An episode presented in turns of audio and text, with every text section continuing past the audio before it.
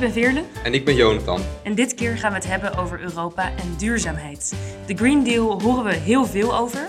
Maar hoe lang zet Europa zich al in omtrent duurzaamheid? En hoe hebben de duurzaamheidsreguleringen in Brussel impact op ons? Dat bespreken we vandaag met Gerben-Jan Gerbrandi, senior adviseur bij Dreugen van Drimmelen en voormalig Europarlementariër. Dit is aflevering 6 van DR2 Haags kwartiertje. Jonathan, tweede podcast met Gerben Jan. Ja, zoveel ervaring is echt niet in één podcast te stoppen. Ehm, en deze podcast is daarna ook een hele mooie opmaat naar de volgende podcast die we op gaan nemen. Die gaan we opnemen met onze Brusselse collega Wart Schelen. En dan gaan we het hebben over de Fit for 55 package.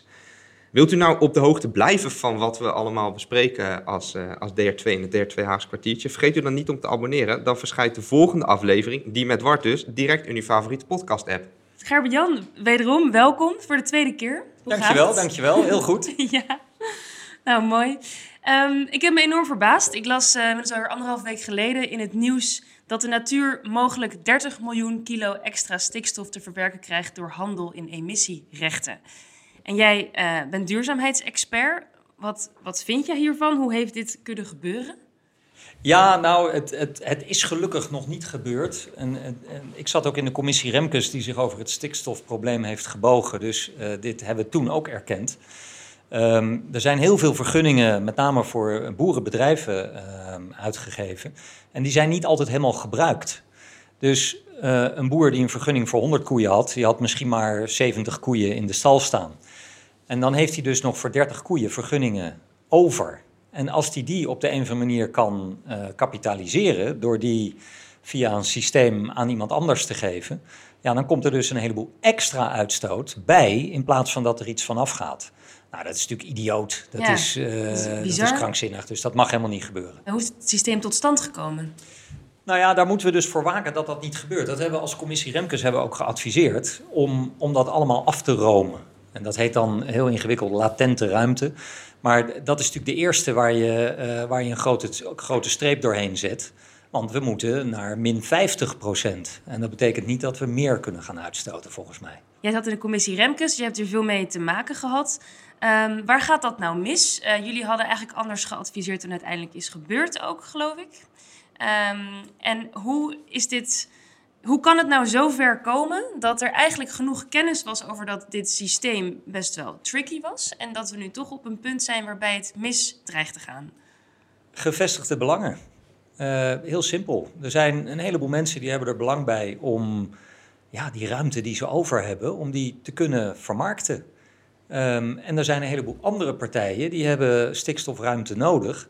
Dus ja, daar, daar vinden ze elkaar. En ja. daar moet dan de overheid natuurlijk een stokje voor steken. Ja, en dan is het ook te hopen dat de minister dat uiteindelijk oppakt en daarmee... Uh...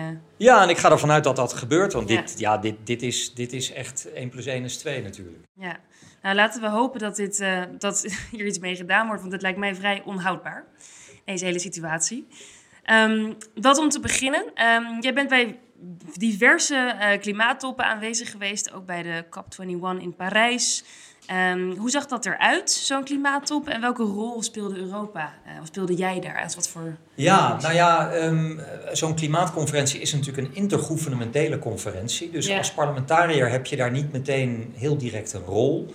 Behalve dat je natuurlijk uh, voor je informatievoorziening uh, is het heel belangrijk. En je kan met een heleboel partijen spreken. En je kan kijken of de Europese Commissie, die dan namens Europa daar onderhandelt, of die zich aan het mandaat houdt en of die het goed doet. Dat, dat is de parlementaire controle die je dan gedurende de conferentie en na afloop wel kan, kan uitvoeren. Um, Europa speelt een hele belangrijke rol binnen dit soort klimaatconferenties. Samen met, nou, hopelijk nu weer de Verenigde Staten. Die zijn natuurlijk een paar jaar er even uit geweest dankzij Trump. Back in the game. Um, en ook China, dat, dat zijn de grote partijen die uiteindelijk bepalen of er een uh, positieve uitkomst uh, is te behalen. Waarbij Europa over het algemeen toch wel een van de trekkers is voor, voor ambitie. Ja. Dus heel belangrijk Ja. um, uh, in, in dat internationale spel. En vaak is er natuurlijk een enorme spanning tussen de lidstaten die hun eigen belang hebben en het Europese belang ook. Dat strookt niet altijd met elkaar. Um, kan je iets zeggen over die dynamiek en, en of zo'n top dan net ook echt iets oplevert? Ja, nou ja, Parijs heeft natuurlijk heel veel opgeleverd. Uh, zes jaar daarvoor in Kopenhagen, 2009, is natuurlijk totaal mislukt. Um, Parijs was een heel groot succes. Alleen je ziet toch ook in de, in de cijfers van nu dat alles op papier overeenkomen wat anders is dan het ook daadwerkelijk uh, allemaal gaan uitvoeren. Dus mhm. dat, dat wordt de volgende fase.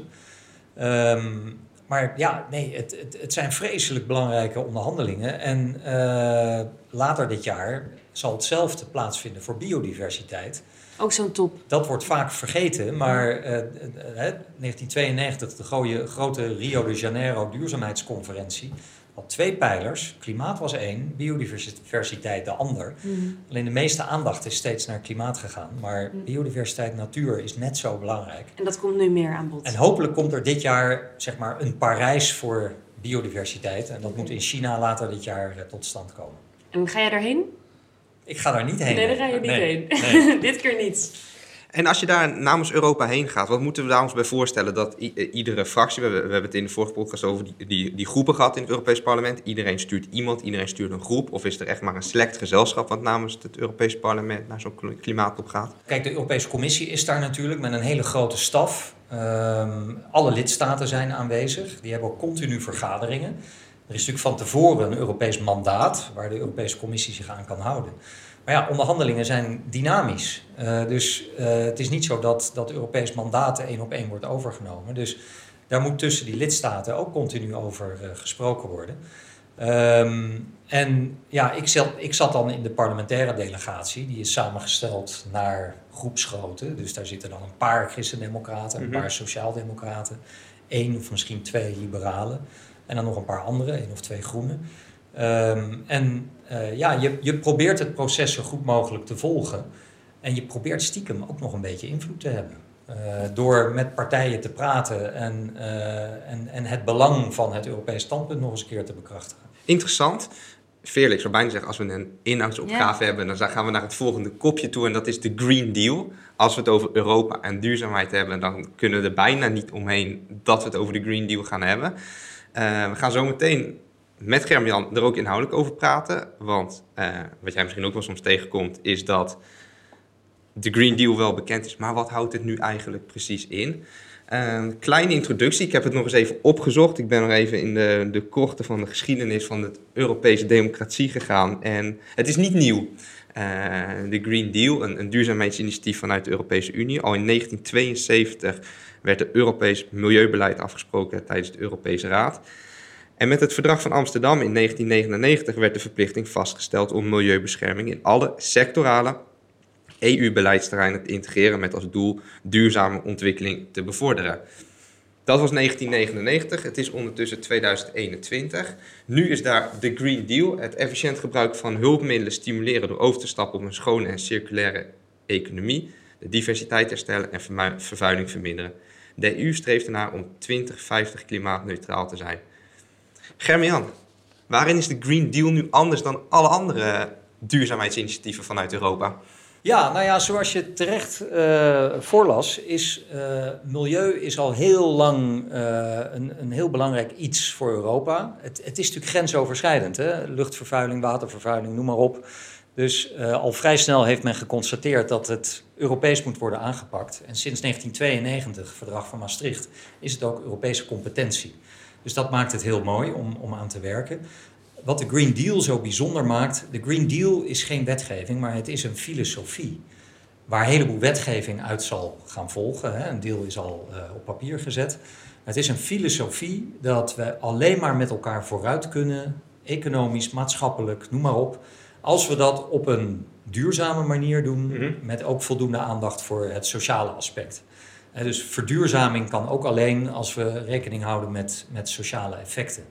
En dat maakt het fundamenteel anders dan in het verleden. Het werd wel, werd wel uh, gesteund, het werd ook wel geïncorporeerd in ander beleid, maar het kwam allemaal uit het Directoraat-Generaal Milieu. Het was de Milieucommissaris die het trok. Mm -hmm. De Green Deal heeft het veel centraler gezet. Het is de voorzitter van de Europese Commissie, von der Leyen, Samen met Frans Timmermans, die daar hoofdverantwoordelijk voor is, als eerste vicevoorzitter, Dus het staat veel centraler in het beleid. En, en, en ja, die filosofie die is nu zo breed omarmd en dat maakt hem echt fundamenteel anders. Ja, en is dit, of hè, we kunnen eigenlijk wel zeggen was, want het, het is natuurlijk al uh, uh, ingevoerd. Je hebt tien jaar in het Europees Parlement gezeten tot 2019. Was dit een stap die ook echt nodig was wat jou betreft? Ja, en uh, het is een stap waar ik eigenlijk tien jaar lang om gevraagd heb. Ik kan me nog goed herinneren dat Juncker verkozen wilde worden uh, door het Europees Parlement als nieuwe voorzitter van, uh, van de Europese Commissie. Mm -hmm.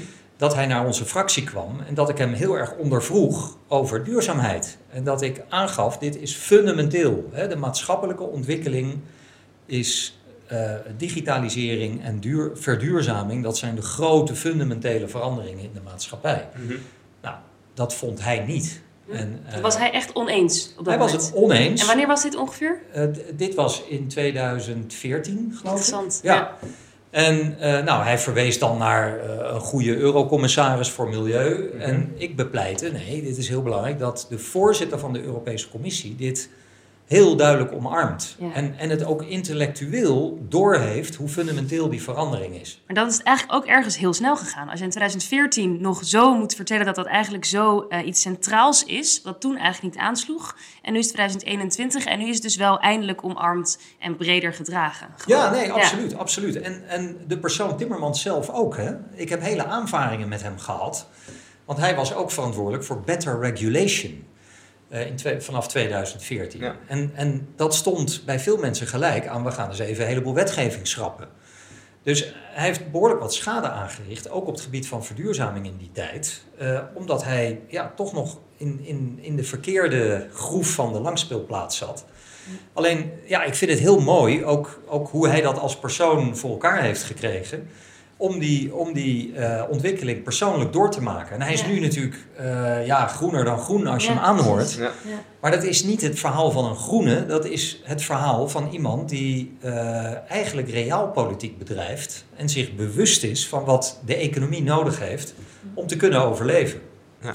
Eigenlijk laat de Green Deal dus zien dat de commissie duurzaamheid ademt. En dat eigenlijk in allerlei soorten wetgeving wil laten terugkomen.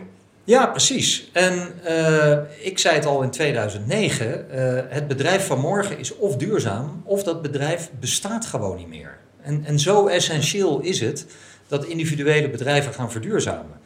En de rechtspraak van Shell vorige week heeft ook weer aangetoond dat dat veel verder gaat dan veel bedrijven nu nog denken dat het gaat. Uh, het gaat veel verder dan eventjes kijken of je aan alle wetgeving voldoet. Nee, het gaat veel verder. Het is een license to operate, zoals je het ook wel noemt. Ja, en nou gevoelsmatig, ook al soms gewoon hè, voor mensen die op straat spreken of misschien vrienden of familie, staat Europa toch nog weer een stap verder van hun vandaan. Um, de EU is ook bezig met een EU-klimaatwet. In hoeverre gaat dat impact hebben op wat er in de lidstaten gebeurt? Ja, nou ja, direct. direct. Um, ik heb in tien jaar uh, uh, Europarlementariër kwam ik geregeld in de media, maar ook weer niet heel veel. Veel minder dan hè, het incidentgedreven Den Haag, ja. waar elk incidentje wordt opgeklopt. En wat weinig vaak te maken heeft met bredere visies op de toekomst. Ik had één hoogtepunt, dat was het onderzoek naar Dieselgate, het parlementair onderzoek wat ik mocht leiden. En toen ik met mijn rapport kwam, stond ik op alle Nederlandse voorpagina's. En, dat vond ik bijna nog mooier, ik werd in alle hoofdredactionele commentaren genoemd. Echt? met naam. Ja. Nou, dat, ja. dat, dat was voor mij publicitair gezien een, een groot hoogtepunt. -hmm. Maar we merken dat natuurlijk dagelijks. De, de, uh, de hele verduurzaming van onze woningvoorraad. Uh, auto's. Hè? Um, uh, we gaan natuurlijk allemaal richting elektrisch vervoer. Ja. Um, dat komt allemaal ook door Europese wetgeving. De uitstootnormen van auto's worden steeds strenger en strenger. Ja. En dat heeft tot gevolg dat uh, ja, de, de diesel- en de benzineauto daar op een gegeven moment niet meer aan kon, kan voldoen. En dat we naar uh, elektrisch overstappen. Maar als je het zo zegt, klinkt het allemaal heel logisch. Als ik Den Haag hoor, vraag ik me wel eens af of dat daar ook is doorgedrongen. Um, hoe kan er zo'n discrepantie zijn? Voor jou is het echt zo klaar als een klontje. Uh, en in Den Haag is dat, is dat nog niet tot, deze hoogte doorgedrongen. Hoe kan dat? Nou ja, Den Haag is geen eenheid. Hè? Je, moet, je moet wel kijken naar, uh, naar de verschillende spelers in Den Haag.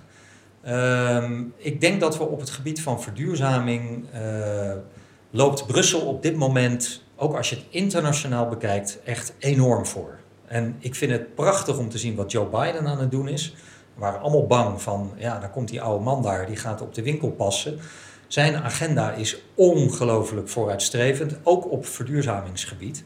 Maar wat er momenteel in Brussel gebeurt, is een voorbeeld voor de rest van de wereld. Het is echt fantastisch. En mijn angst is dat ze nu iets, ja, niet dat ze te hard gaan, maar dat de lidstaten niet in staat zijn om het te volgen, inclusief Nederland. Ja. En dat, we, uh, dat het parlement op de rem gaat staan van ho, ho, ho, uh, niet te hard. Dat merken we nu eigenlijk al, toch? Terwijl we geen keus hebben. We hebben gewoon geen keus. En als wij het niet doen, dan doet China het. Of dan doet Californië het. Of uh, andere delen van de wereld. Dus het, het is een economische race in innovatie, in nieuwe technologie. En als je niet heel hard meedoet, uh, dan verlies je hem. En dan ben je dadelijk economisch gewoon de pineut. Ja. En helaas moeten we wel naar de afsluiting. Want ik zou hier nog uren over door kunnen praten. Um, en het is ook een vraag die we al eerder een beetje hebben behandeld, maar ik ben toch even benieuwd. Heb je vertrouwen in de aanpak van Nederland uh, en hoe ze dit gaan doen met alles wat er bij de Green Deal komt kijken? Jawel, maar um, en, en je ziet uit allerlei rapporten die de laatste tijd uitkomen, en, en ook dat zo'n uitspraak van de Raad van State over stikstof, uh, dat we ook gewoon gedwongen worden. Um, maar ook zo'n zaak tegen Shell is eigenlijk wel een, een, een, klap voor de politiek. Want het betekent dat de politiek niet gedaan heeft wat het moet doen. Namelijk ook individuele bedrijven veel sterker aanspreken op de verantwoordelijkheid die ze hebben. Dus ik hoop van harte, en niet alleen voor een leefbare planeet, maar ook juist voor onze eigen nationale economie, dat we nog veel harder gaan met verduurzaming. Ja. Want het is niet alleen maar een linkshuppelende groene agenda die, die leuk is om te doen. Nee, het is bittere economische noodzaak om die verduurzaming veel harder uh, aan te pakken. En wie weet heeft de zaak van Shell wel een president geschept in deze. Absoluut, ja. absoluut. En een nieuw kabinet moet hiermee veel harder aan de bak. Ja. Ik uh, ben benieuwd naar het nieuwe kabinet en wat ze ermee gaan doen. Jonathan, jij nog een uh, afsluitende vraag? Nee, nee, uh, um, dankjewel Germen Jan voor dit inzicht over uh, Europa en duurzaamheid. En uh, nou, volgende keer gaan we dus in gesprek met onze collega Wart Schelen specifiek over de Fit for 55 package. Dit was aflevering 6 van DR2 Haags kwartiertje. Volgende keer gaan we het met onze collega Bart Schelen hebben over het aanscherpen van de commissiedoelstellingen met betrekking tot de Green Deal. Wij zijn te vinden op Spotify, Apple Podcasts en SoundCloud. Dank voor het luisteren en tot de volgende keer.